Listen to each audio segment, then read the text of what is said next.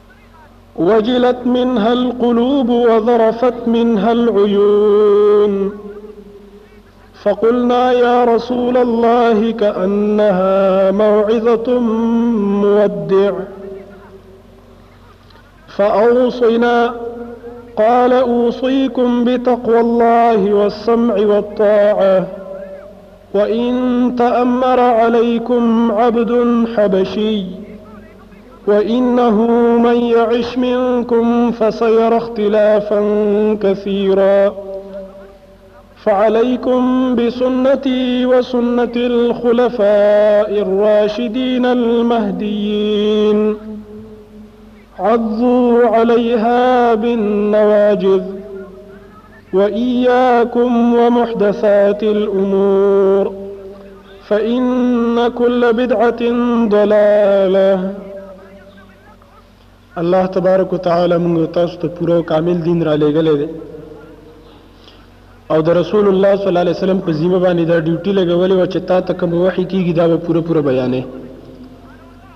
او دا ته قران کې فرمایلی یا ایها الرسول بلغ ما انزل الیک من ربک اے دا الله رسوله هر هغه څه دي امت ته ورسوه تا ته چې د رب د طرف نه سره نازلېږي او که دا کار دې ونه کړو وان لم تفعل فما بلغت رسالته که دا کار دې ونه کړو نو د الله رسالت او د الله تر طرف نه کومه ذمہ واری چې درکړې شوی به تا پوره کړې نه ده دیو جن رسول الله صلی الله علیه وسلم دا ذمہ واری په داسې خسته طریقې سره ادا کړه چې امت ته چې څه د دوی مخې ته راځي، کوم معاملات دي، که عبادات دي، که اخلاق دي، په ټولو کې د دوی راهنمایي وکړله. تر دې پورې چې د یو صحابي نه چا تپوس وکړلو غالبا یو یهودي ته تپوس وکړو او غالبا هغه صحابي سلمان فارسی رضی الله عنه چې خاص تاسو پیغمبر تاسو ته دام درخی چې تاسو به بهر ته چې زینو سبا کوي او د سماعت په کومه طریقه باندې کوي په کومه طریقه باندې بزان سبا کوي استنجا به څنګه کوي دان تاسو درخې دونه وړي وړي خبره صحابي وته جواب کوي زمونږ د دین کمال لاله چې مونږ ته رسول الله صلی الله علیه وسلم دا خبره مرا خو دي دا خو زمونږ د دین په کمال دلالت کوي دا خو ته بیا عقل چې ته به دې خبرې ته ډېر په دغه ګورې دا دلالت کوي په دې چې دا یو کامل او مزیدار دین دی چې رسول الله صلی الله علیه وسلم موږ په دغه دغه کې هم خالی نه یو پریخي بلکې په دغه کې هم راته راهنمایي کړې ده چې په کومه طریقه باندې به تاسو خپل قضای حاجت کوئ او هغه مزیدار دین چې رسول الله صلی الله علیه وسلم په داسې خسته طریقې سره هغه پوره کړلو او هغه ذمہواری په داسې مزیدار انداز سره ادا کړله چې الله تبارک وتعالى د خپل طرف نه تصدیق را لېږي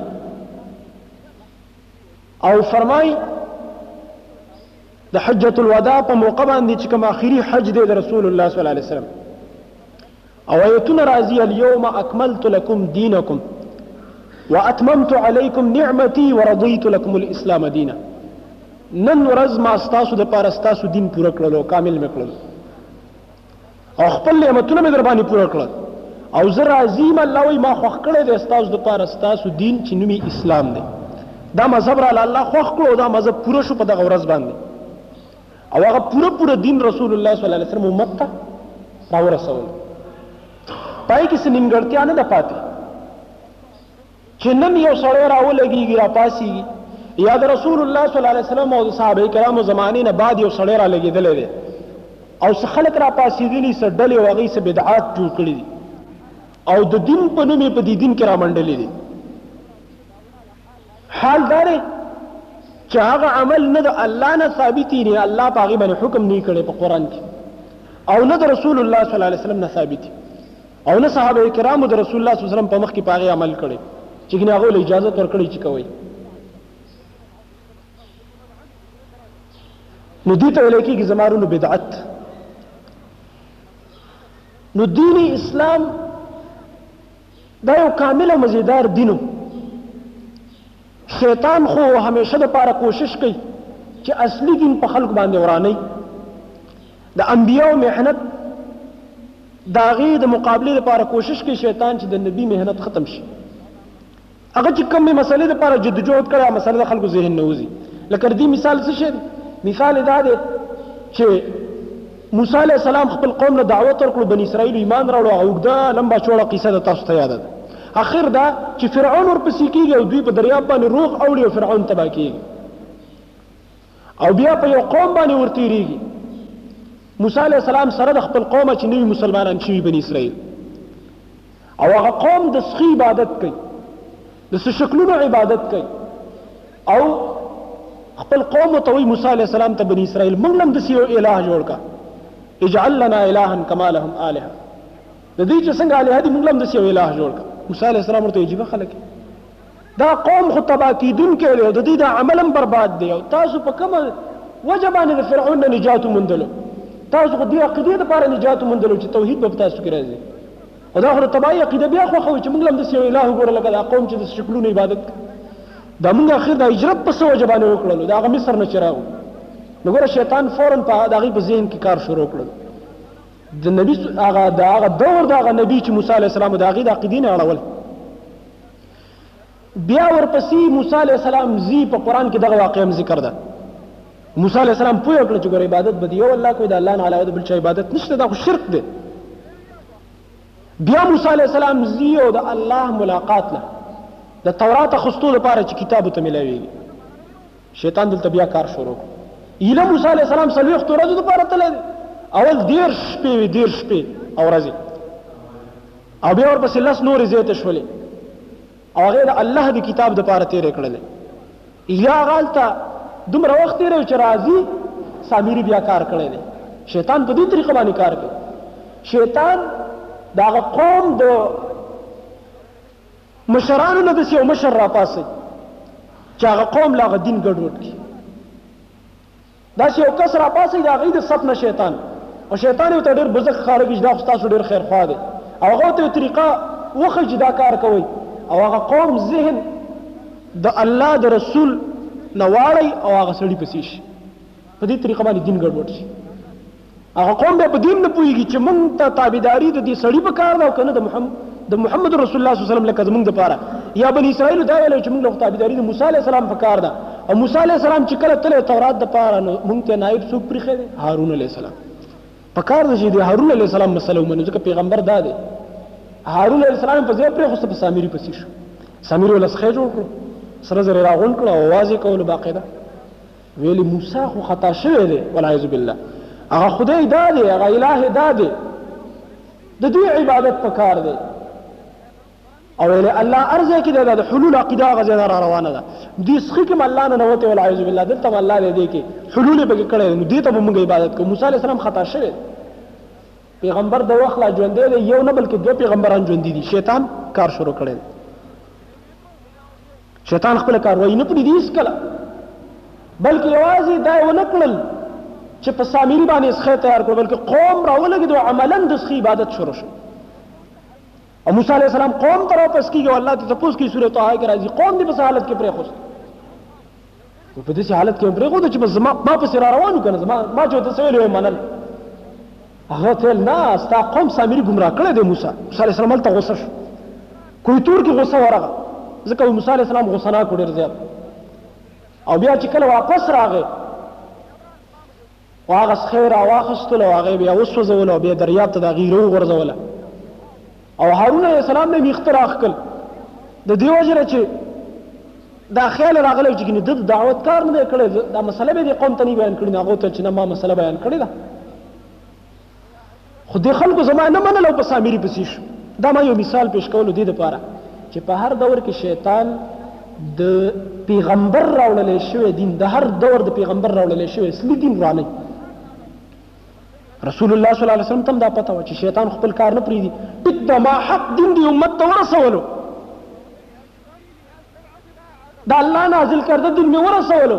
خروستو به شیطان داسې کاروایی کوي زما په دې امت کې به داسې خلک پیدا کیږي چې به زما د اصلي دین رانه یو بل جیلی دین به ودرېږي د دې په مقابله کې بدعات به ودرېږي نوي نوي کارونه به راشي چې نه به ما کړي نه به زما صحابه کړي نه به ما ته الله د هغې امر کړی دیو جن الله تبارک وتعالى د رسول الله صلی الله علیه وسلم په جبه مبارک باندې داسې احادیث راوخکل چې هغه پیشنګوي شو چې آینده دور کې ګوره داسې وخت را روان دی او خيار شي زما امت او الله تبارک وتعالى داسې ایتونه راولېږل چې کې دې طرف ته اشاره وه چې دا خلک به د نبی تابعداري پرې دي نو ځکه ته الله قران کې بار بار وایي چې خیال کوئ د پیغمبر تابعداري وکړئ د پیغمبر اتباع وکړئ نو رسول الله صلی الله علیه وسلم دا فرمایلی خیر القرون قرنی ثم الذين يلونهم ثم الذين يلونهم بهترینه زمانہ دا زما زمانہ دا دا چې پکې موجود دی بیا دې پسې چې کوم خلک را روان دي بیا دې پسې دا خ دورونه دي دین بعد به بیا فسادات شروع شي ثم يفشل كذب بیا به دروغ خواري شي د دین په نوم به دروغ خوري څوک به پلانکی صاحب ویلی څوک به پلانکی صاحب ویلی دا فتنې به راوچتې شي هغه فتنې به راوچتې شي څنګه چې رسول الله صلی الله علیه وسلم فرمایي درې مسده یې لپاره تېرېدو چې فتنې راوچتې شي قسمه قسم د خوارجو فتنې د معتزله او د جهمیو دا قسمه قسم بدعات د عبد الله بن سبا ډله راپاسېدله چې یهودي وو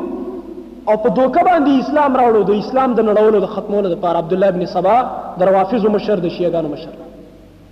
د اسلام داوی کو زه مسلمانې کوم زما محبت ته چا سره اهل بیت سره مې ډېر محبت دی هر سړی چې اسلام بیخکندي کوي کنه ځان له د سیدغه ګوري کرسي چې باغی کینی او خلک وي چې عقیده د اسلام خیر خواه دی ناغم ځان له سیټو کته وي زه د اهل بیت خیر خواه د علی رضی الله عنه سره محبت دی حسنین سره مې محبت دی فاطمه رضی الله عنها سره مې محبت دی دا نارې شروع کړې خلکو له دا خو ډیر زبردست سړی دی د اهل بیتو سره محبت دی د رسول الله صلی الله علیه وسلم نسو سره د هغه د خاندان سره یو ډله ځان له پیدا کړه و يهودي او اسلام تر داخل شوی دی لپاره چې اسلام به خندي وکړي دا فتنه د خوارجو فتنه راوچته شوې صحابه په کفر باندې فتوی وکړي خوارج ول دا معاویه هم کافر دی او دا علی هم کافر دی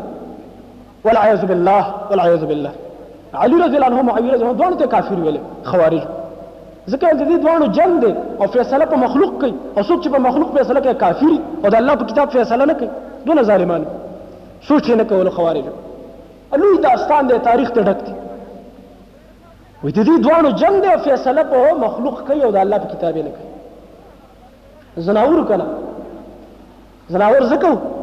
چې په مخلوق کې چې فیصله کوله علي رضی الله عنه معاویه ځان خو مخلوق څوک او صحابه او په قران باندې پوهه خلکو د قران مطابق ولا فیصله کوله قران خو د سینه چې ته مخې تکیل او ته دواړه کینې د چا جګړه شابه ته فیصله کوو مونږ قران له خپل لګي فیصله وکړي کله دا به دریم کس لور کې چې تر ته د مطابق فیصله وکړه دریم ته بغوګ نه فیصله به د مخلوق کوي په قران به کوي فیصله به د قران خو د یو مخلوق د یو انسان په جبه خو بجاری کیږي نه قران کنه یو عالم لا به وروړي قران په خپل تاسو خبرې نه کوي نو خوارج دې خبرو ته سوچ نه کوله ځان نه یو دین جوړ کړل او دا ناری به والي په مجلس کې په پاسه د علي رضی الله عنه ته او جلوسونه او جلسې به کولې ناره تحکیم به واله ان الحكم الا لله ان الحكم الا لله دا آیت به ویل دلیل د فیصلی اختیار نشته مګر الله سره دی علی رضی الله عنه به خندل ورپورې وای کلمت حق اريد بها الباطل کلمه حق ده ځکه د قران آیت وای په دلیل کې خو مطلب کې غلط اخسته کلمت حق اريد بها الباطل کلمه حق ده او کوم مطلب چې ته اخسته کیږي د دې کلمې او د آیت نه مطلب باطل دی دغه فتنه راغله د خوارجو نورې فتنې راغې د جهمیو ورپسې بیا نورې راغې د معتزلو دا فتنې شروع شولې په اسلام کې نو رسول الله صلی الله علیه اشاره کړې وه چې ګوره دروغ به خورېږي د دین په نوم به دروغ خواره شي د عقیدو په نوم باندې دلالت او ګمراهي خورېدله په امت کې نو زما ورونو بیا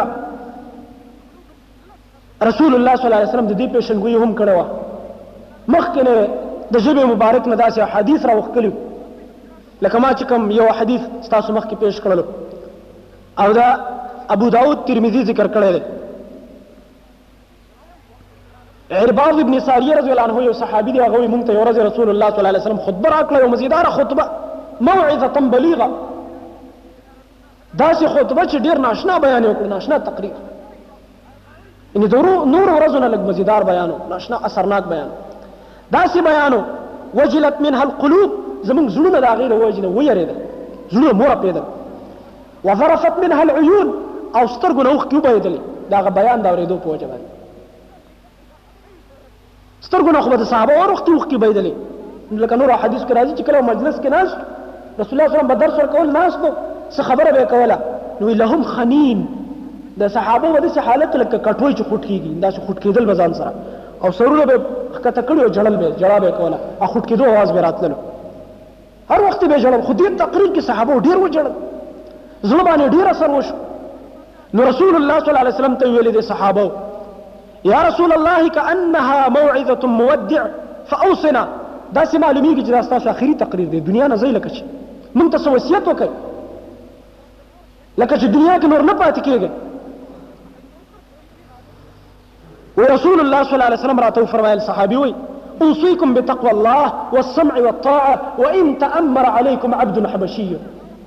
زه تاسو ته وصیت کوم بتقوى الله د الله په تقوا سره الله نه ویری تقوا ډېر اوچت صفت دی زمارونه تقوا څه ته ویل کېږي یو خو زمونږ او ستاسو د خولې خبرې دي چې بس داسې ظاهري ځان نه بزرګۍ او چال ډال جوړ کړو خلک دا سړی ډېر بزرګ دی ډېر تسبیح ډېر اړوي او ډیر مزیدار غټه ګیره پریخي او ډیر خسته پټکی واله بس بزرګ معلومیږي خالص متقی دی نه زمارونو تقوا یو بل صفت دی زړه سره تعلق ساتي او اعمال له انسان د شریعت مطابق شي دې ته تقوا ویل کېږي او ټیک ده د دې اثرات به په ظاهري بدن کې ښکاري دا صحیح ده تقوا څه ته ویل کېږي؟ د الله هر حکم منل چې کله تا ته په کوم وخت کې د الله کوم حکم متوجه دی په هغې عمل کول او کوم وخت کې چې تا ته د الله کومه نهي متوجه ده چې دا کار مه کوه د شریعت یو نهي ته هغې نه ځان وساتي دې ته تقوا وایي یعنې خپل ځان د دین مطابق جوړول چې ستا اعمال د دین ترجماني وکړي دې ته ویل کېږي زما وروڼو تقوا تقوا ځکه وه تقوا عربۍ کې د وقایې نه ده وقایه بچاو ته ویلی کیږي زموږ پښتانه وایي دا د کتاب قایا ده پښتانو ته قایا وایي عربۍ کې ته وقایه وایي قایا ته ځکه چې دې سره دا کتاب محفوظ بچ کیږي د دغه نه شلیږي نه نو تقوا مطلب هم دا دی چې تقوا داسې یو بنیادي صفت دی چې دا مؤمن کې راشي د دې ایمان نه خرابېږي محفوظ وي دننه لکه جلد کې چې کتاب محفوظ کتاب ته جلد واچي هم دننه پاڼې محفوظ شي تقوا چې مؤمن د ځان نه راتاو کړي دا داسې مزېدار څادر دی د دننه اعمال محفوظ کړي دا ډېره مزیداره قلا ده دا ډېر خسته محفوظ صفت دی چې الله کوم مؤمن لور کی تقوا او تقوا د دې بل تعبیر به زه په دغه سره وکم پرهیز سره پرهیز لکه پښتو کې مونږ وایو پرهیز یو طرف ته ډاکټر یو بیمار له دوی ورکوي دا دوی خوره بل طرف ته ته وي دا دا سیز به نه خوري چې دا خوره دي ته علاج وي او دا مخوره دي ته پرهیز وي نو مونږ ته الله وی خورا ان عمل وکا سو کا مونږ وکا او دس وکا تلاوت وکا ذکر وکا مایات کا دا وکا دا وکا دې ته وی علاج دا زمونږ علاج دی بیا راته الله پریزونه را خودلی شرک مکوا لکه دروغ مو وایا منافقت مکوا چغل خوری مکوا غیبت مکوا دا مکوا دا مکوا دې ته اوس ویل کیږي پریز نو کوم ډاکټر چې یو بیمار له دوی ورکه وته وی دا دوی خورا خودي سيزون نزان ساته کو پریز دیونه کو ګرنه ټکیږي دوی سره یوازې کار نه کیږي پوره یو سړی چې دوی هم خوري او پرېز هم نه کوي نو ټکېږي نه ټکېږي که پوره تاثیر بیا دوی نه کوي او چې کله دوی هم استعمالوي او پرېز هم کوي نو پوره تاثیر بیا کېږي الله زر زر شفا ورکوي بیا دغه شان یو مؤمن بنده چې کله نیک اعمال هم کوي خو سره د ګناه نه هم ځان نه ساتي په هیڅ ماړه نه دی په حرام او په حلالو نه دی خو چې خالي را پیدا کی نو دا نیک اعمال به دله پوره فایده نه ورکړي خرابېږي دا سړی شفا نه حاصله یوازې په دغه علاج چې دا ویې کړلو صرف مونځ او داس په دې بیا کار نه کېږي ځکه مخې ته موانع راغله او چې کله داسې کوي یو مؤمن بنده یو طرف ته علاج کوي نیک اعمال خو بل طرف ته پرهیز هم کوي د غلطو کارونو نه ځان ساتي شریعت چې ورته څه ویلي دي له ځان وایي نه ځان ساتي دې ته زمرون تقوا ویل کېږي رسول الله صلی الله علیه وسلم صحابو ته زما پهله وصیت تاسو ته دا دی اوصیکم بتقوا الله الله نه ویریږئ تقوا ځان کې را پیدا کړئ تقوا صفت یو صحابي د تقوا یو یو کیفیت بیانوي تقوا څه ته ویل کېږي چا ته پوسو کو هغه ته تقوا دي ته ویل کېږي چې ته په یو داسې لار کې روانې تنګ لار ده دوه طرف ته غمي دي لکه کله کله داسې لارې کې سړی روان او ته په ځان پسې دا جامې راونغاړې او ډېر په احتیاط سره ځې چې دې غلو کې مې دا جامې وننښلې دې کنډتار کې مې دا جامې وننښلې چې راله ونشلې نو دې ته ویل کېږي تقوا چې ته په داسې طریقه باندې ژوند تېر کړې په دې دنیا کې مزل کې دا ژوند تېری چې ستا ګوره دواړه طرفونو ته کنډتار دی شیطان خطرناک غلي لګېدلي دي اتا نه پرېږدي چې ستا جامې د هغې نه محفوظ پاتې شي ستا جامې رانیسي جامې دله شلوي ایمان دله شلوي اعمال دله خرابوي او ته ډېر په حفاظت او په احتیاط سره دا ژوند تېروې او د هغه کنډکارونو نه ځان ساتي دې ته ویل کېږي تقوا څومره ښایسته تعبیر یې کړی رسول الله صلی الله علیه وسلم فرمایل زه تاسو ته وصیت کوم په تقوا ول او بیا یې فرمایل والسمع والطاعه او په دې درته وصیت کوم چې خبره اورئ او بیا پې عمل کوئ والسمع خبرې ته غوږ ږدئ، له دین هره خبره اورئ، والطاعة او بیا د خبرې اطاعت هم کوئ، دا نه چې یوازې خبرې اورئ، لکه زمونږ او ستاسو صفت چې کوم دی، خبرې اورو، ډېر بیانونه اورو د علماوو، خو عمل نشته. رسول الله صلی الله علیه وسلم فرمایي والسمع والطاعة خبرې ته به غوږ هم ږدئ او بیا به اطاعت کوئ. وان تعمر علیکم عبد حبشی اګر که په تاسو باندې امیر مقرر کړی شي، مشر، یو غلام حبشي. تک تور رنګ والا حبشي درباندې مشر شو او ورسره ورسره غلام هم دی د رنګ نه تور دی نسل نه غلام دی او د بل چا نوکر دی خو چې خبره درته بهتره وکړه عمل په وکړه دیو جن علی رضی الله عنه فرمای چې تاسو خلکو انظروا الى ما قال ولا تنظروا الى من قال خبرې ته غوږ کېږئ او خبرې ته ګورئ چې دا خبره څه کېږي، دې ته مه ګورئ چې دا خبره څوک کوي. څومره ښایسته خبره یې کړې. علي رضي الله عنه فرمایي، دې ته مه ګورئ چې دا خبره څوک کوي، یاره دا خو دې سړي وکړله، ده سره زما نه لګي، ده باندې زما ډېر اعتبار نشته، نه دې خبرې ته یې وګوره، سړی ډېر بېکاره دی، ډېر غریب دی، ډېر د درجې په لحاظ سره ښکته دی، خو یاره خبره به یې درته داسې ښایسته کړي چې حدیث به درته وویل، بیا به څه کوې؟ خبره به یې منې. د دنیا په لحاظ سره ډېر ښکته درجې والا دی خو چې خبره درته صحیح وکړه شریعت مطابق به به منی نو خبرې کول والا ته موږ ور بلکې دي خبرې ته وګوره چې خبره کې څونه وزن دی رسول الله صلی الله علیه وسلم فرمایي که تاسو ته یو حبشي غلام هم صحیح خبره وکړه وګو ته کې دی به ومنه او بیا یې فرمایلی او پیشنګویي وکړله ما چې هغې ته کومه اشاره کوله وانه من یعش منکم فسیر اختلافا کثیرا او دا یاد وساتئ څوک چې ستاسو کې زمانه بعد ژوندي پاتې شو نو ډېر زر به اختلافات ویني فسیر اختلافا کثیرا لږ نه ډېر اختلافات بني کثیرا هغه سړی به ډېر اختلافات ویني چې زمانه پس څوک ژوندي پاتې شي او واقعي هغه اختلافات بیا راښکاره شو لکه ما بعض بعضو ته اشاره وکړه خو دغه وخت کې به څه کوئ اوس هم خلک ویل اختلاف دی یو یو سوی بل څوک بل سوی د چا ومنو وی رسول الله صلی الله علیه وسلم مرض ته اشاره کړې دا مرض به راشي مرض څه شي اختلاف کثیر زما امت خو زمونږ دین داسې نه دی چې تا ته یوازې مرض ښه علاج درته بیا نه ښه زموږ دین کې خوبي دا ده او د محمد رسول الله صلی الله علیه وسلم په حدیثو کې قران کریم کې خوبي دا ده تا ته اول مرض خو دا مرض برازي بیا ورته رسته علاج ګور علاج به داسې کې ښه مرض برازي دا غیر به بچاو ست تدبیر کې رسول الله صلی الله علیه وسلم مرض ذکر کړو اختلافات به زما امت کې ډیر راشي تاسو به وای نه زما صحابه صحابه ولیدل ډیر صحابه د خوارج د لاس شهیدان شو سرونه تکټ شو او بیا رسول الله صلی الله علیه وسلم فرمایي تاسو به څه کوئ په دغه وخت کې فعليكم بسنتي وسنة الخلفاء الراشدين المهديين دقه د اختلاف په دور کې علاج څه شی دی د بچاو تاسو باندې لازم دي چې زما سنت راټینګ کړئ څه شی راټینګوي زما سنت بس دا علاج شو نورو خبرو پسې مه ځه بس چې دوه کسان خبرې کوي ته تا سره څه دلیل دی ته دا خبره د رسول الله صلی الله علیه وسلم نه کوې بس چې چا ته د رسول الله صلی الله علیه وسلم خبره حدیث درته پیش کړو د هغه ومنه ته نور مه منه فعلیکم بسنتي دغه د اختلاف په وخت کې په تاسو لازم ده چې زما سنت راټینګ کړئ دا لازم ونیسئ وسنة الخلفاء الراشدين المهديين او زما هغه خلفای راشدین چې هدایت یافته خلق دي دا غي سنت براتینګوي چې ابو بکر عمر عثمان علي المرتضى رضي الله تعالى عنهم دغه صحابه کرام د دې سنت برانی سي ځکه چې دې زما په دین پسې را روان دي زما تابعداري او بیا فرمایي عدو علیها بالنواجف د جامو په غاښونو باندې کلک ونیسئ لکه چا نه چې څوک یو څیز تختی نو هغه یې زر خولې ته واچي نو بیا یې څوک نشي اخیستلی مطلب دا دی دا دین تاسو نه تختی خلک فتنې دي تاسو له دا دین تباه کوي دین دله ګډوډ کوي ایمان دله غر کوي دا تاسو د جامو په غاښونو کې کلک کینې عمل پې وکړئ کلک په دې باندې صحیح طریقې سره عمل وکړئ او بیا فرمایي وإياكم ومحدثات الأمور او ځان وساتئ په دین کې د نو نو خبرونه زه به وفات شم زمانه بعد به دین کې نوې نوې خبر راځي شي لیبل به د چا لګي لیبل به د اسلام لګي لیبل به د دین لګي دا دین دی حاله به دین نه ګره بیا فرمای فإن كل بدعة ضلاله پس یقینا هر بدعت گمراهی ده بدعت کې خو خراب نشته چې بعض خلک دا بدعت حسنه ده او دا سیئه ده حسنه حسنه به نشته هغه لغت کې خبره کوه لغوي لحاظ سره په شریعت کې هر بدعت گمراهی ده دا رسول الله صلی الله علیه وسلم فتوا ده او بل حدیث کې راځي ورپسې فإن كل بدعة ضلالة وكل ضلالة في النار او هر گمراهی د بدعت به انسان جهنم ته رسي بدعتي انسان دا جهنمی دی دا د رسول الله صلی الله علیه وسلم فتوا او رسول الله صلی الله علیه وسلم دا هم فرمایلی امت ته د بچاو د پاره چې تاسو به څه کوئ چې کله فتنې او فسادونه په امت کې راشي بیا په هغه وخت کې تاسو څه کوئ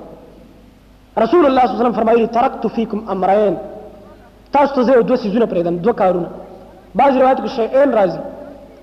دوه سیزونه پرېږدم او زه د نظم امت روان یم دنیا نه لن تضلوا ما تمسکتم بهما هیڅ چېرې به ګمراه نه شئ چې څو پورې په دې دواړو باندې منګولې ولګوئ او عمل پې کوئ یو د الله کتاب یو د هغه د نبی صلی الله علیه وسلم سنت بس دا دوه سیزونه مونږ ته پرېږدي دا بهترین علاج دی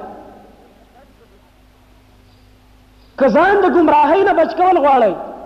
د ایمان حفاظت غواړئ او د اعمالو بس دا دوه څیزونه راټینګ هیڅکله به ګمراه نشي دا د رسول الله صلی الله علیه وسلم خبره ده او ډیره مزیدار ډیر خوږ حدیث دی دا چې سړی وایي چې هیڅکله به ګوره نه ګمراه کېږي دا ډیره ښایسته لار ده د الله کتاب او د رسول الله صلی الله علیه وسلم سنت بس دې پسې ځئ د دنیا څومره کله ټوله دنیا د فتنو نه ډکه شي تر دې پورې چې د دجال فتنه هم راشي او ته په دې دوه سیزونه روانې دجال دې هم د دې دغه نه نشي اړولی چې دا په دې امت کې ټول نه غټه فتنه ده رسول الله صلی الله علیه وسلم فرمایي هر پیغمبر چې دنیا ته راغلی امت د دجال د فتنې نه یې اړولی دی لیکن هغه امتونو کې دجال رانغی او زما امت کې به راشي او دا به زما په امت ډېره سخته فتنه وي خو په هغه وخت کې هم چې څوک په دې دوو څیزونو پسې روان وي قرآن او حدیث بس هغه نه ګمراه کوي الله به د هغې نه بچ وساتي دا زما وروڼو دا پېشنګویانې رسول الله صلی وسلم ولې کولې دا یې ځکه کولې چې نبي صلی الله علیه وسلم ته الله ده ویلي وو چې ستا څنګه چې د مخکنو پیغمبرانو دین ګډوډ شوی دی لکه سورت مریم کې الله فرمایي او نور سورت فخلف من بعدهم خلف اضاعوا الصلاه د پیغمبرانو نه بعد به ناکاره خلک وروسته راغل او دین به یې له ګډوډ کړ لمونځونه به یې ګډوډ کړ عبادتونه به یې ګډوډ کړ نو داسې به ستا امت کې هم کېږي چې داسې خلک به راځي دا دین به ګډوډ کړي د دین په نوم به په کې یو څیز وردننه کې حال داره په هغې باندې به رسول الله صلی الله علیه وسلم عمل نه کړی خلک به تر ثواب کار وای حال داره رسول الله صلی الله علیه وسلم باندې کړی او د ثواب د پاره څوک راغله د ثواب د خودو لپاره مونږ ته الله څوک را لېږلو محمد رسول الله صلی الله علیه وسلم بل څه غزان نه ثواب نشي جوړولای د ثواب لارې د ثواب طریقې مونږ ته رسول الله صلی الله علیه وسلم را خودلې دې وجې نه رسول الله صلی الله علیه وسلم فرمایي، هر هغه عمل چې تاسو جنت ته نږدې کوي او جهنم نه هم لرې کوي، ما درته په هغې امر کړی چې دا وکړئ چې جنت ته داخل شئ او جهنم نه لرې شئ، او هر هغه عمل چې جهنم ته هم رانږدې کوي او جنت نه هم لرې کوي او جهنم ته هم راکاږي، هغې نه ما منع کړې چې ګوره دا کار مه کوئ. نو ګوره د ثوابونو لارې ټولې ښودلې دي او کوم چې د ګناه لاره ده، هغې نه منع کړې. صفا دین بیان کړی نو دغه کامل او مکمل دین دی دغه کې نور ټوټو لګول ته ضرورت نشته نو اوس که یو سړی راځي او هغه په دې محرم میاشت کې یا نور میاشتو کې د ځان نه بعضې بدعات په دې دین کې داخلوي لکه زه هم دغه موضوع له راتلم د ځان نه دی او هغې ته بیا ثواب وي حال دا چې په محرم کې دغه کار رسول الله صلی الله علیه وسلم نه دی کړی وایي د دې مطلب بیا دا شو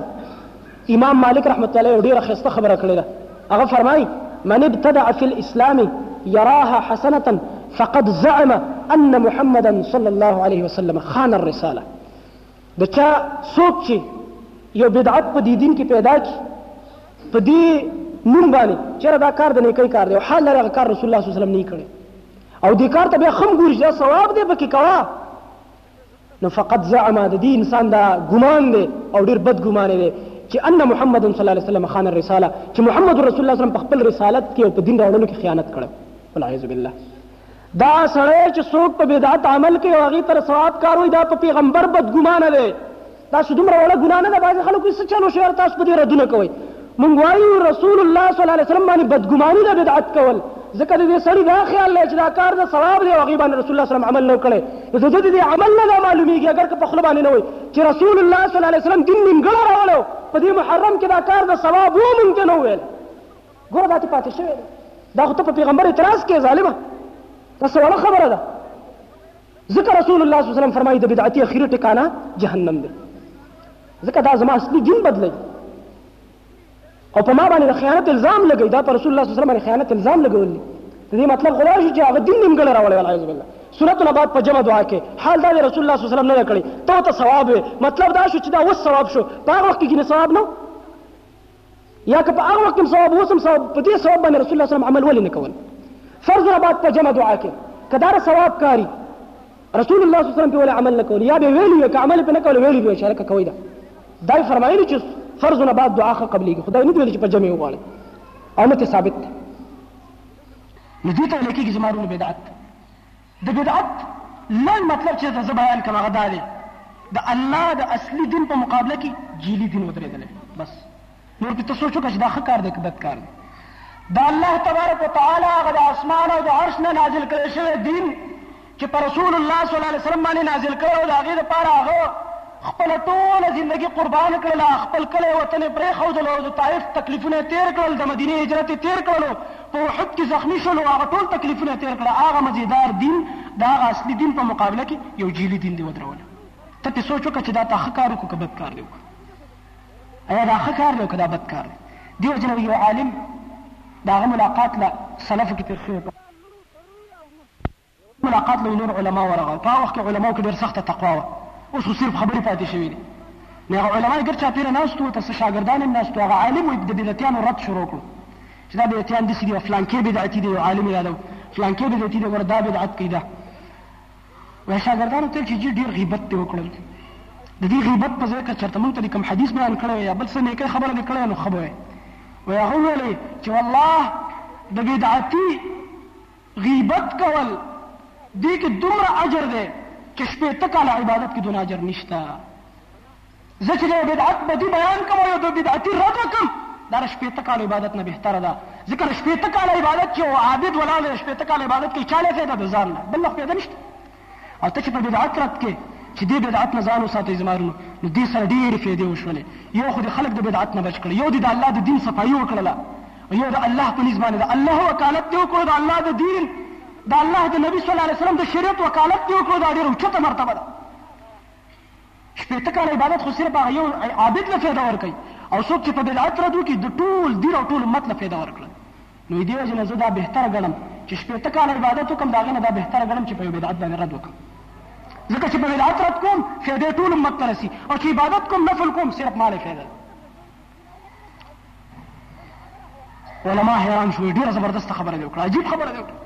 او دا غیبت هم نه دی لکه ما ما یباح من الغیبه دې موضوع باندې خطبه ما درکړې تاسو ته چې کوم حالتونو کې غیبت جایز دی هغه حالات مونږ ذکر کړي نو هغه به دومره خیال ساتلو د رسول الله صلی الله علیه وسلم د سنت طریقو نو زما ورونه دا بدعت چې دا یو جیلی دین جوړ شوی دی د دې دین نړول په کار دی او د الله اصلي دین ودرول په کار دی چې موږ باندې کوم دین د ودرولو ذمہواري اچول شي دا دین به ودرای ان اقیم الدین الله قران کې فرمایي ټول پیغمبران ته ما دا ویل چې دین ودروي او موږ ته دا امر دی چې دین ودروي دین قائم کړئ او دین د بدعت نوم نه دی زمارون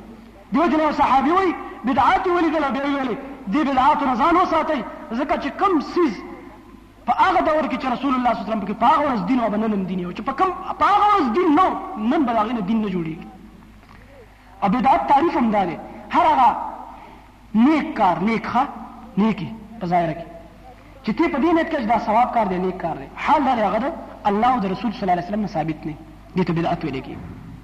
لکه ما ټول دخدای په پیغمبر باندې بدګماني شوله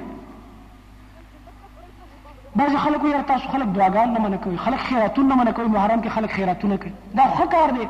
دا خو خیرات خو ښه کار دی دعا خو ښه کار دی درود خو ښه کار دی دا خو ښه کار دی مونږ وایو دا ټول ښه کار دی ټیک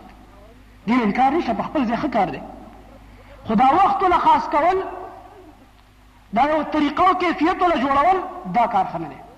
او د شریعت نه خلاف کول دا کار ښه نه دی تلاوت ښه کار دی کنه او یو سړی په رکوع کې کینی او دا تحیات لله په ځای باندې الف لام میم ذالک الکتاب لا ریب فیه هدى للمتقین دا ایتونه وایي نو د ده دا تحیات لله قبلېږي د الله په نسبت او ته ورته وایې چې هلکه دا مه وایه مه وایه دا تلاوت مه کوه نو دی به سوچ ته اوس ختمه تلاوت نه منه کې تلاوت خو ښه کار دی تلاوت خو نیک کار دی وته نیک کار دی خو دې وخت کې نیک نه دی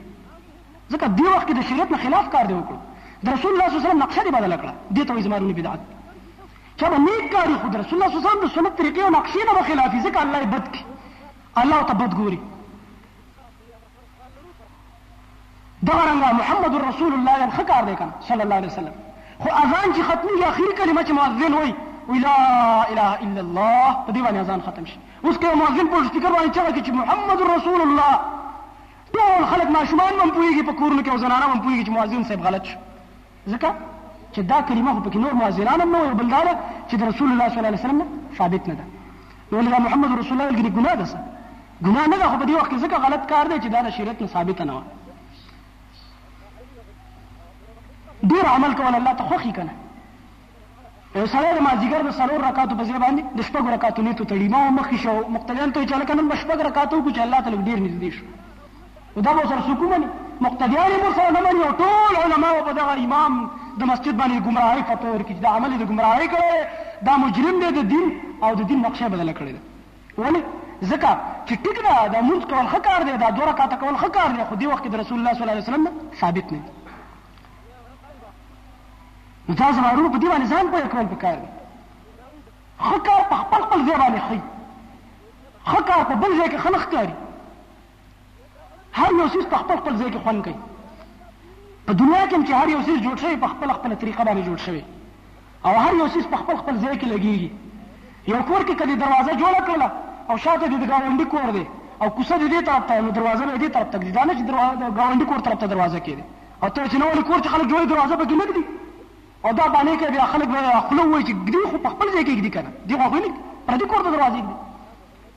دغه شان زمانونو د دین یو ترتیب دی دا به بې ترتیبه کوي نه هر یو څیز یې په خپل خپل ځای خوند کوي هر یو څیز به په خپل خپل ځای کې ږدي او هر یو عمل به په خپل خپل مقام باندې کوي چې کله دې د هغه ځای نه بېځایه کړو دین دې ګډوډ نقشه دې خرابه کړه لکه د کور دروازه چې د کوڅې په ځای د ګاونډي کور ته ولګي دا دې داسې کار وکړل نو دا ډېر لوی جرم دی زما وروڼه دې وجې نه په دې میاشت کې بعضې خلکو څه بدعات او رسومات رایج کړي دي څوک یاره دا د غم میاشت ده حال دا چې دا د اسلام اولنۍ میاشت ده ډېره د خوشحالۍ میاشت ده اسلام د کال اولنۍ میاشت ده نن غالبا د محرم اوله ورځ ده که نن نی سبا وي دونه اسلامي کال شروع شو دا د خوشحالۍ ورځ ده خو دشمنانو ما چېرته څنګه ویل فتنې ده چې په اسلام کې راغلي چې هغوی مونږ د اسلام په خوږوالي او په لذت باندې نه پوه کوي داسې فتنې په دې دین کې راننوتې دي چې هر وخت کې مونږ او تاسو د مزیدار او اصلي دین نه ډېر لرې پاتې شوي یو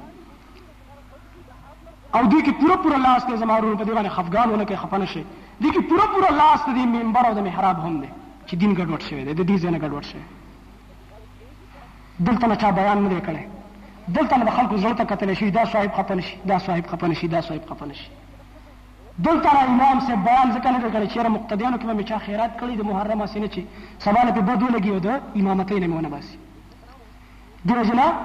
عبدالله ابن مبارک رحمه الله فرمای دین درې طبقو ګډ وډ کړو وهل افسد الدين الا الملوك واحبار سوء ورهبانها دین چې ګډ وډ کړو ټول تاریخ راوچت کړي قران او حدیث راوچت کړي دین چې ګډ وډ کړو درې ډلو ګډ وډ کړو حکومت بادشاهان دوی د دین اکثر خلافي دشمنان دي د دوی د لاسه دین ګډوډېږي دین کې به یو خبره نه یو په خلکو ته به اعلان وکړي چې هلکه دا څیز مناو کړئ عید میلادالنبي مناو کړئ شابه بسنت مناو کړئ پلانکی مناو کړئ جشن بهاران د حکومت د لاسه دین یو ګډوډېږي دین کې فساد د حکومت د لاسه راځي دویمه ډله و احبار سوء و رهبانها ناکاره پیران ناکاره مولیان دې درې ډلو دین تباه کړو بادشاهان ناکاره پیران ناکاره مولیان خپل خپل ذمہ داری ونه پیژندله حاکم د خپل ذمہ داری ونه پیژندله چې زه په دې خلکو باندې مشر شم مال الله اقتدار راکړی دی رسول پار راکړی زه به چا قانون جاری کوم په ملک کې او دا رنګ عالم خپل ذمہ داری ونه پیژندله چې زه د سره پار مال د علمیت راکړی شوی زما څه ذمہ داری ده کله چې ذمہ داری نه ادا کیږي بیا دغه شان فسادات راځي نو امت کې دا فسادات راغله د خوشحالۍ میاشت هغې نه د غم میاشت جوړه کړه او څوک په دې کې غمونه کوي او نیاحې کوي ځانونه ټکوي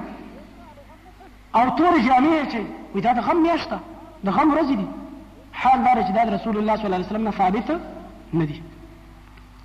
او دې کې څوک واقع پیش کې چیرې دا ځکه د غم میاشت اجدي کې واقع راغلی ده حسین رضی الله عنه پکې شهید شوی دی هغه واقع ما زه لږ مختصر بیان کوم خو وخت نشته دی پر اوس کال مونږ بیان کړو حسین رضی الله پکې شهید شوی دا د غم واقع و مونږ بالکل د غم واقع و خو د غمونو بار بار تازه کول دا شریعت کې شته رسول الله صلی الله علیه وسلم فرمایي په چا باندې چې غم راغی درې ورځو نه بعد به بیا غم نه کوي درې ورځو نه بعد غم تازه کول او غم کول دا حرام دي صرف هغه ښځه چې د هغې خاوند مړ شو شریعت کې صرف هغې لپاره غم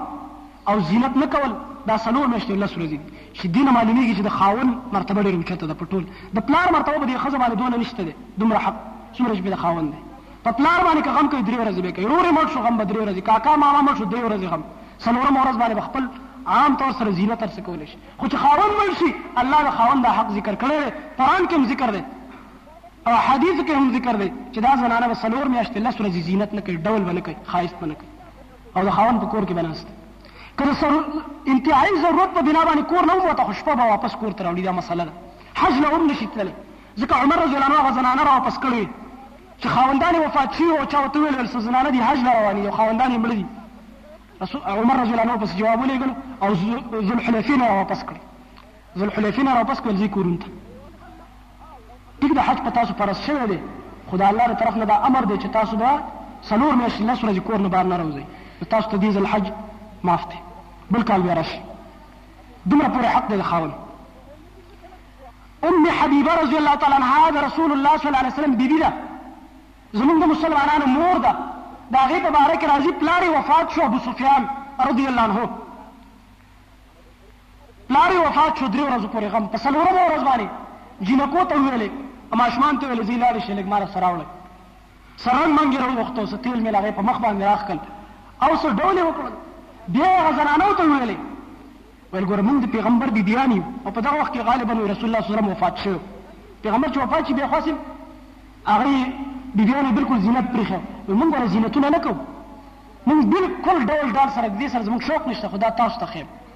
دا مې تاسو ته وښودل چې موږ د پیغمبر بیبیان یو اول موږ په دې دین باندې عمل کوو چې زما د پلار پرون درېیمه تېره شوې ده درېیمه ورځ به بس صرف درې ورځې غم دی زه نن غمونه نه کوم نن بس ځان جوړوم ډول مې دې دپاره وکړو چې نور غمونه نشته په شریعت کې هغه داسې خلک وو او داسې که موږ تاسو وګورو لکه پروس کال د دې ما ډېرې حوالې تاسو ته درکړې وې چېرې یو یو واقع باندې غم کو نو ټیک ده دا واقع خود رسول الله صلی الله علیه وسلم د وفات نه بعد هم راغلی حسین رضی الله عنه واقع د څه خود رسول الله صلی الله علیه وسلم په دور کې ډېر دردناک واقعات راغلي په کار چې باغې باندې هم بیا غم وکړي شي کنه او حال لري چې په شریعت کې چا باغې غم نه کړي نه رسول الله صلی الله علیه وسلم ویلي دي نه پې صحابه وکړي د ابوبکر صدیق رضی الله دور کې نه دی شوی د عمر فاروق رضی الله عنه دور تېر شوی د خلافت د عثمان بن عفان د علي المرتضی رضی الله تعالی عنهم د دې دور کې چا هم دا غمونه نه دي کړي رسول الله صلی الله علیه وسلم غمونه راغلي څومره تکلیفونه راغلي هغه کال چې په کوم کال باندې د رسول الله صلی الله علیه وسلم تر چې دا ډېر سخت تایید کوونکی ملګری د رسول الله صلی الله علیه وسلم ابو طالب حمایت په ولا کول هغه وفات شو او خدیجه رضی الله تعالی عنها دای اولنۍ بی بی وه هغه وفات شوه رسول الله صلی الله علیه وسلم فرمایل دا کال په ما باندې د غم کال دی دار الندوه کې مشرکان را جمع شوي او د رسول الله صلی الله علیه وسلم د قتل منصوبه تیارېږي د شپې شپې چې سهار کېدل نه مخکې مخکې به الله نبي صلی الله علیه وسلم شهید کوو قتلوي څومره د غم موقع وه رسول الله صلی وسلم ته اطلاع کېږي چې بس نن دې اخري شپه ده الله ورته وایي ځه بس نور دې ځای نه دا ډېر بدبخته خلک دي تا له دوی خیرخواهي دیارلس کاله وغوښتله خو دوی د دې مستحق نه دي ځه نور هجرت کوه خپل کلی خپل وطن خپل ابایی او اجدادي علاقه او رسول الله صلی الله علیه وسلم په سوی مخ راواړو مکه پسې چې کله ته وته د ډیر محبت د وجنه واپس مکه ته وکتل زړه ته نه کېدلو خو الله ته ویل چې وزنه بسوت او مکه ته ماته ډیر ګرانه او دا ځمکه زما ډیره خوښه ده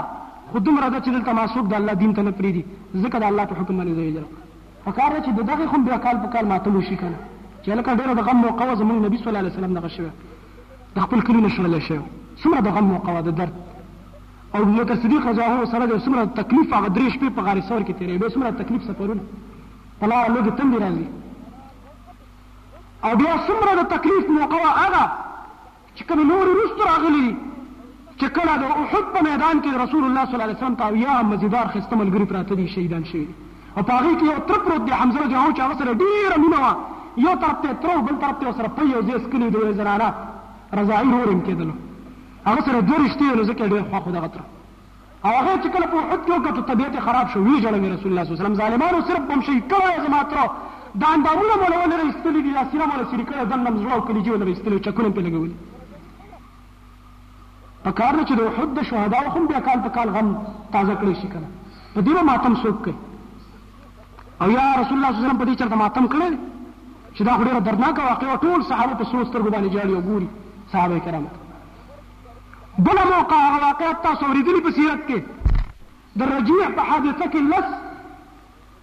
قاریان هغه یو قوم بوتلل لس علما د قران رسول الله صلی الله علیه وسلم ته دا موږ سره کې موږ ته دین بیان کی په دوکه باندې بوتل لار کې شهیدان کړ رسول الله صلی الله علیه وسلم څخه خپه شو چې دا خو ډېر پوه صحابه شهیدان کړ بل موقع کې همدغه سره نږدې واقع او یا صحابه بوتلې او قوم چې موږ مسلمانې ګدا او یا کسان موږ راکه چې موږ ته دین بیانې او رسول الله صلی الله علیه وسلم له قیمتي قیمتي صحابه ورکړ چې دا په دین خپل یې خلکو ته دین بیان رسول الله صم خالم الغیب نو هغه هم په لار کې او یا وانه شهیدان سمره دا دردناک واقع کنه په دې ماتم په کار دی کنه کنه صرف دا یو ځای یو ماتم په کار به په کار چې په دې ماتم وشي کنه او دومره درد رسول الله صلی الله علیه وسلم له دې واقع ورکړو چې یو میاشت پورې رسول الله صلی الله علیه وسلم مسلسل په ټولو منځونو کې قنوت نازله وي خیره کې مشرکانو ته چې الله دې دې تباہ کړي الله دې کورونه وران کړي چې زما صحابه په دوکه باندې بوتلو شهیدانې کړي دا چې خدای دا ټول تاریخ د اسلام کړو چت کو دا ټول د غمونو نه او د دردناکو دردناکو واقعو نه ډک دی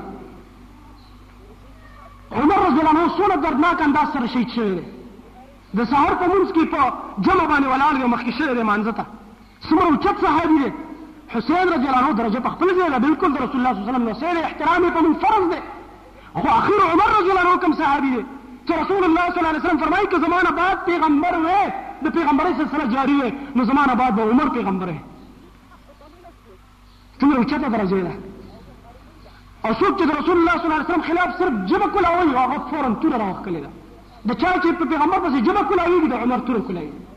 داسې سړی دی او هغه سهار په جمع باندې ولاړ دی او ابو لؤلؤ چې دا د مغیره ابن شعبه رضی الله عنه غلام نصراني عیسایي او راغی عمر رضی الله عنه باندې د خنجر ګزارونه وکړل او هغه راپرېوتلو څومره دردناک انداز سره هغه بیا شهید شولو او زر زر زر عمر رضی الله عنه اواز وي موږ په اواز پوه نه شولو چغې ونه واله خو صحابه وي تیاره وه ځکه د سهار په مونځ کې هغه وخت کې دا راډونه نه وو بجلیانه نه وي تیاره وه مونږ پوه نه شو خو دومره ده چې د عمر رضی الله قرائت بند شو، تلاوت بند شو او عبدالرحمن بن عوف شاته صف نه ورپسې ولاړو، لاس مې ونیو رامخکې کړو جمع کړو. وعلیکم السلام هغه رامخکې کړل عمر رضی الله تعالی عنه دا وخت را پریوتل او بیا هغه ظالم ځان سره یو څو صحابه کرامو موواله دولس دیارلس صحابه په خنجر باندې اخر کې ځان موواله ځان هم مردار کړو عمر رضی الله عنه هم شهید شو و د چا د لاسه ولګېدم عمر رضی الله عنه پروت دی چا د لاسه ولګېدم صحابه کرامو ته وایي جي د مغیره بن شعبه غلام ابو لؤلؤ هغه په خنجر والی وایي الحمدلله الحمدلله چې کافر د لاسه شهید شو ښه دی چې مسلمان نیم والی سبا له به زما په وجه باندې د عمر په وجه به مسلمان جهنم ته تللی مسلمان ته به الله ویل مسلمانه ولې د عمر شهید کړی دی ښه دی چې زما په وجه باندې مسلمان به جهنم ته نه ځي ښه دی چې کافر قتل کړ شهید یې کړ دا څومره دردناک واقع وه عثمان رضی الله عنه په خپل کور کې تلاوت ته ناست دی او بلوایان ته په کور راوړېدل او تلاوت کوي او په دې دوران کې په تلوارونه اوچتېږي او ډیلي را منډه کوي او ته وایي چې ظالمانو مه کوئ امیر المؤمنین دی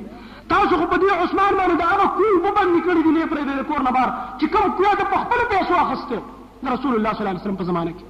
عثمان رضی الله په خپل پیسو باندې مسلمانان له کوی اخسته او دا کوی په بند شوی کور نه باندې نه پرې خوستو ظالمانو ته ګیټ کې ولاړ چې نه پرې اخر دا چې هغه نور وته او روجا او مسلسل روجا او روجا او روجا ځکه خوراک سره نه ملاویږي روجا بس چې کومه لوګه تم دې ماتیږي صرف په تلاوت قران ته ناست قران سره محبت ډېر او بیبي لاس راوګدې نایله رضی الله تعالی عنها او ظالمان دا په لاس باندې هم گزار کوي دا غي بوتم کټ کیږي په قران پرې وځي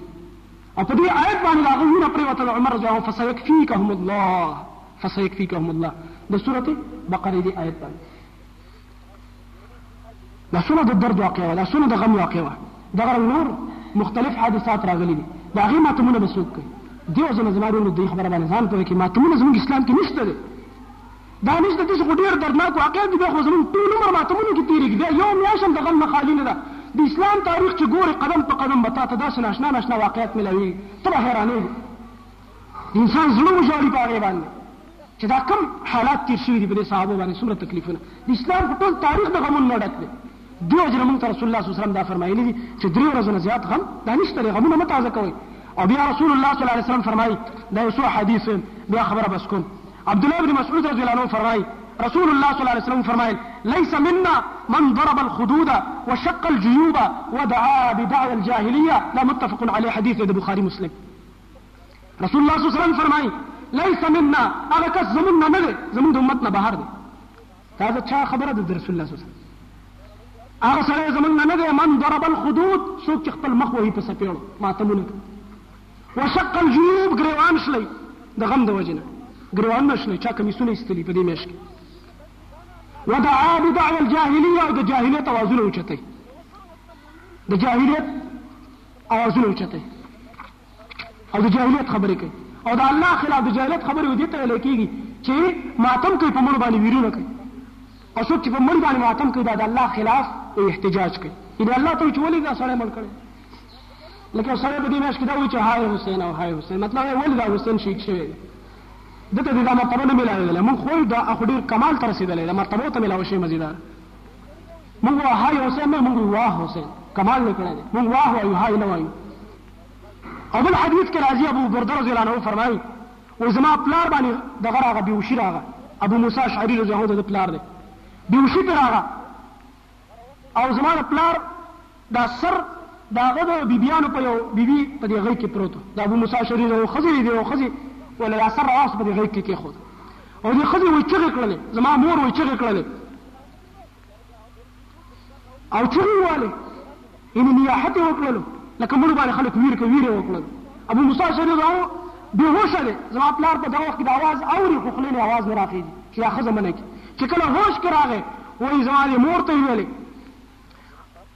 چې انا بریء ممن برئ منه رسول الله صلی الله علیه وسلم زه بری یم د هغه څه نه چې رسول الله صلی الله علیه وسلم ترې بری دی یعنی زه برات کوم ستا له دې چغو نه دا تا چې کومې چغې د دې نه زه جدا یم لکه رسول الله صلی الله علیه وسلم ته چې جدا شوی دی ځکه ان رسول الله صلی الله علیه وسلم یقینا رسول الله صلی الله علیه وسلم بریء من الصالقه والحالقه والشاقه رسول الله صلی الله علیه وسلم بری دی د الصالقه نه صالقه چاته ویل کېږي د مصیبت په وجه باندې چې څوک چغې وهي هغې زنانه ته ویل کېږي دا غي رسول الله صلی الله علیه وسلم بری رسول الله صلی الله علیه وسلم فرمایي دین بری والحالقه عربو کې عادت دا چې غم په راغې زنانو به سر وخرولو سړو به سر وخرولو څوک چې د غم په وخت کې دا کار کوي دین هم زبري د دې عمل نه او دا رنګ وشاقه او څوک چې ګریوانونه شلې د دې زبري خزه په کړ چې بیا دا کار نه کې سبا ما باندې مرګ راځي ته راځي دا کار باندې کې ما ته مون بشریت کې من راغلي او دا رنګه حدیث د مغیره بن شعبه رضی الله عنه راضي ما د رسول الله صلی الله علیه وسلم نو اوریدل من نیح علیه چا باندې چې چغي والي شوی نیحت نو وکړ شو کوم مړي باندې نو فانه يعذب بما نيح عليه يوم القيامه د قیامت پر ورځ ته دغه نیحت عذاب ورسیږي خو دا به هغه چاته وي چې چا وصیت مخکې نه نه وي کړی. چا چې مخکې نه خپله غاړه خلاصه کړه چې هلکه ما پسې به ګوره چغې نه وهئ،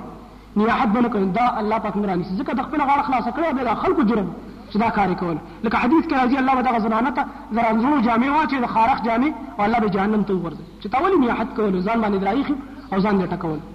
حدیث کې دغه عذابونه ذکر شوي دي. بل حدیث کې راځي د نعمان بن بشیر رضی الله عنه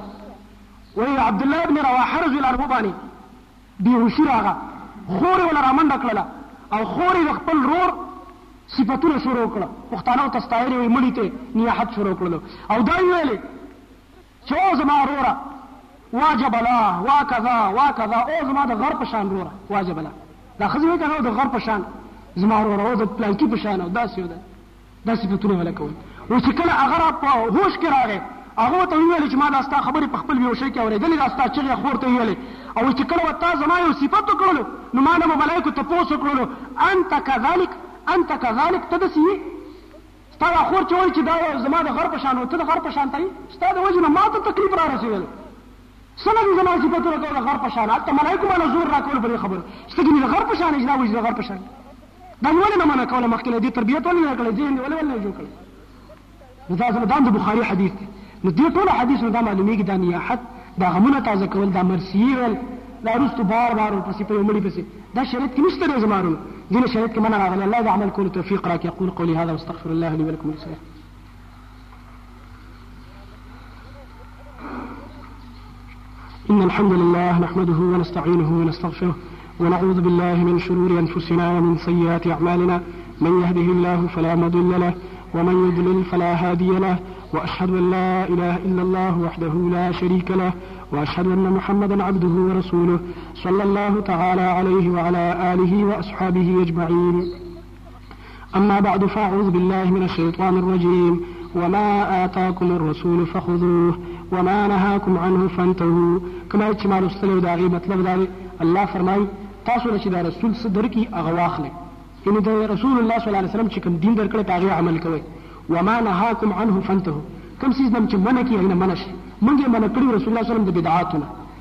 د رسمونو او رواجونو نه او دا راته ویل په دین عمل وکړئ زما په سنت طریقو عمل وکړئ او بدعت باندې عمل مه کوئ نو دې وجه نه دې میاشت کې چې دا کوم بدعات کېږي دا رسمونه رواجونه او دا کیرونه او دا شربتونه تقسیمېږي دې نه ځان ساتل پکار دي دې خوراک هم ښه نه دی او دې عمل کې شریکېدل دا هم انتهایي لوی جرم دی او بعضې خلک په دې میاشت کې ودونه نه کوي نو ګوره د الله حلال واده چې په هر وخت کې جایز دی هغه په دې میاشت کې څوک په ځان باندې حرام کړي د الله حلال چې څوک حرام کړي دا کفر دی دا د ټولو علماوو فتوا ده، دا سخته خبره نه ده، ښه په هوش او په حواس کې درته دا خبره کوم، لاړ شئ علماوو نه تپوس وکړئ، څوک چې د الله حلال حرام کړي په ځان، دا کفر دی علماوې او د الله حلال یهودو او نصاراو په ځان باندې حرام کړي، نو الله د هغې ډېره بدي قرآن کې ځای په ځای ذکر کړې، سورت مائده کې، سورت نساء کې، دغرنګه نورو سورتونو کې، نو دا الله حلال کړی، دا واده هر وخت یې ترې واده کولی شي. چې کله طاقت واده وکړه او یو سړی وایي نه د وړوکي اختر رب پس نه کېږي او څوک وایي نه دې میاشت کې نه کېږي دا د غم میاشت ده دا رسمونه ختمول په کار دي او اوس الحمدلله ورو ورو د مسلمانانو اصلاح کېږي سږکال مونږ داسې خبر شو بعضې کسانو نه چې سږکال د محرم په دې ورځو کې د ډېرو مسلمانانو ودونه دي او هغوی دا مسله نوره لته ورکړه چې دا خو د بل چا طریقې دي د اسلام د دښمنانو طریقې دي دا مزیداره میاشت راله د غم میاشت ګرځولې ده او اخبارونو کې دا بیان نه ورکوي او ټوله دنیا کې دا چغې وهي چې بس دا د غم میاشت ده دا د اسلام د دښمنانو کار دی دا د مسلمانانو کار نه دی چې دې میاشت د غم میاشت ووایي بلکه په دې کې واده دا ټول خبرې د خوشحالۍ کارونه دا پکې جویز دي الله چې کوم کار حلال کړی دی چا په خبرو باندې نه حرامېږي زما ورونو نو دې بدعاتو نه ځان ساتل پکار دي الله د عمل کولو توفیق راکړي صفونه برابر کړي د پیغمبر د دین بدل الله نه پریږدي والله عزیز ذو انتقام الله زورور ذات دی بدله اخیستونکی دی غیرتي ذات دی د خپل دین بدل به اخلي د خپل پیغمبر د سنت طریقې بدل به اخلي چې تا ولې بدعت کړی رسول الله صلی الله علیه وسلم فرمائی، زه به په حوض کوثر باندې ولاړ یم، د قیامت په ورځ باندې خپلو امتیانو له به اوبه ورکوم، ټول امت به مې را رواني، زه به د حوض کوثر نه اوبه ورکوم، داسې خوږې اوبه دي، داسې مزېدارې اوبه دي، داسې ښایسته اوبه دي، من شرب منه لم یظمأ ابدا، چا چې د حوض کوثر دا اوبه وڅکلې او به هیڅکله تږی نشي، داسې ښایسته اوبه، یوه ډله به را روانه وي. یوه ډله به راروانه وي، فیحال بیني و بینهم، زما او د هغوی په منځ کې به یوه پرده حایله شي، ملایک به یې رانه بل طرف ته روان کړي، زه به یې د بعضو نښو نه وپېژنم، نو زه به وایم قیامت کې په حوض کوثر به ولاړ یم چې انهم مني، دا خو زما امتیان معلومېږي، زما ملګري معلومېږي. صاحب که تاسو مونځ نه کړی مونځ وکړئ جمع شوې ده تاسو که مونځ نه کړی بابا ته وایي پوهه کې مونځ هم نه کړی مونځ وکړئ جمع شوې ده انهم مني تاسو دا زما کسان دي زما مرګري معلومیږي زما صحابه معلومیږي رسول الله صلی الله علیه وسلم به فرمای زه به ویم چې دا خو زما کسان معلومیږي رای ولۍ چې د حوض کوثر دا اوبه ولا ورکم چې د حوض کوثر دا اوبه په وسکم وای ملائک براته وي د قیامت په ورځ انك لا تدري ما احدثوا بعدك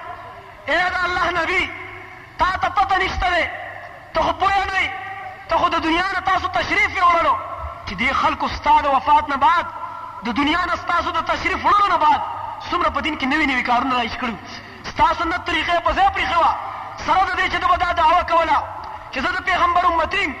سره د دی چی ده به دا دعوه کوله چی زه مسلمان یم ما کلمه ویلی ده ده به ستا د سنت طریقه نه خلاف کولو بدعاتو باندې د ژوند تیر کړی دی رسول الله صلی الله علیه وسلم فرمایي چې کله ملائک ما ته دا خبر وکړي زه به وایم سحقا سحقا لمن غیر بعدي لرې کړئ د دې مخې نه مې زما سترګو نه پناه کوي حرام دي د حوض کوثر اوبه په ده باندې داسې خبیث نجس له زه د حوض کوثر اوبه ورکوم لرې کړئ زما نه زما د مخې نه زما دین یې بدل کړی زما دین کم دین دی کم دین زما ستا خو پې خوله هم نه راوتې کوم دين چې رسول الله صلی الله عليه وسلم د هغې دپاره تکلیفونه برداشت کړه هغه دين چې رسول الله صلی الله عليه وسلم د مکې په بازارونو کې د مکې په میلو کې ابو لهب خپل ترپې کاڼي وړی او د رسول الله صلی الله عليه وسلم په بدن مبارک باندې وینې روانې دي پړې مبارکې د هین نه ډکې شولې هغه خو بې وینې توی کړی هغه دین دې بدل کړلو هغه سنت طریقه دې بدل کړه دا څه ټوکې دي هغه دین دې بدل کړو چې د هغې لپاره صحابه کرامو حبشې ته هجرتونه وکړه د هغې لپاره ابوبکر صدیق دومره وال خوري چې بې هوشه کېږي ابوذر غفاري دومره وال خوري چې بې هوشه کېږي د هغې لپاره بلال دومره سزا خوري چې په تودو او ګرمو شګه باندې ګرمه ځمکه باندې دشمنان د اسلام کافران مشرکان په ګرمه شګه سملوي او د پاسه پرې لوی ګټ په دې سینه ورلږدي او د هغه دین لپاره بلال احد احد اواز کوي، غلام دی لیکن د خپل مالک خبره نه مني، هغه حقیقي مالک خبره مني چې هغه احد ذات دی، هغه خو پرې دا سختۍ تېرې کړې، هغه دین چې د هغې لپاره صحابه کرامو خپلې وینې تویې کړلې، د هغې لپاره رسول الله صلی الله علیه وسلم خپل وطن مکه پرېښودله، مدینې ته هجرت وکړلو، په طائف کې رسول الله صلی الله علیه وسلم پسې. غونډه ګان ورپسې شو په کاڼو باندې وویشتلو رایې ښکلو تر دې پورې چې د رسول الله صلی الله علیه وسلم د بدن مبارک نه وینې روانې شوې هغه دین دې بدل کړو ټوکې دي څه تا ته ګپ ښکاري چې یو سنت طریقه تا ته بیانېږي او تا هغه پرېږدې رسم او رواج باندې عمل کې دا نن تا ته ډېر اسان ښکاري الله وي فلیحذر الذین ویرېږه ویرېږه دومره په اسانۍ باندې مه کوه په دې باندې عمل د پیغمبر مخالفت چې کې دومره ډاډه په مو ورځه لږ سوچ وکړه لږ ودرېږه ځان سره فکر وکړه چې دا زه کوم کار کوم دا خو د پیغمبر مخالفت دی دا زه چې کوم کار کوم دا خو پیغمبر نه دی کړی ولې کوم وجه څه ده د دې به اخري نتیجه څه ما رب الله د دې څه سزا راکړي سوچ وکړه الله وایي چې سبا له درته رسول الله صلی الله علیه وسلم خیرې نه کوي هغه پیغمبر چې د قیامت په ورځ به شفاعت کوي د خپلو امتیانو او بدعتیانو دپاره به څه کوي هر سړی وایي زه زه شفاعت به راله کوي شفاعت والا حدیث دی اورېدلی او دا بل حدیث دی نه دی اورېدلی چې خیرې به هم کوي د خیرو والا حدیث دی نه دی اورېدلی ستاسو همیشه په ښو څیزونو ته هم خیالي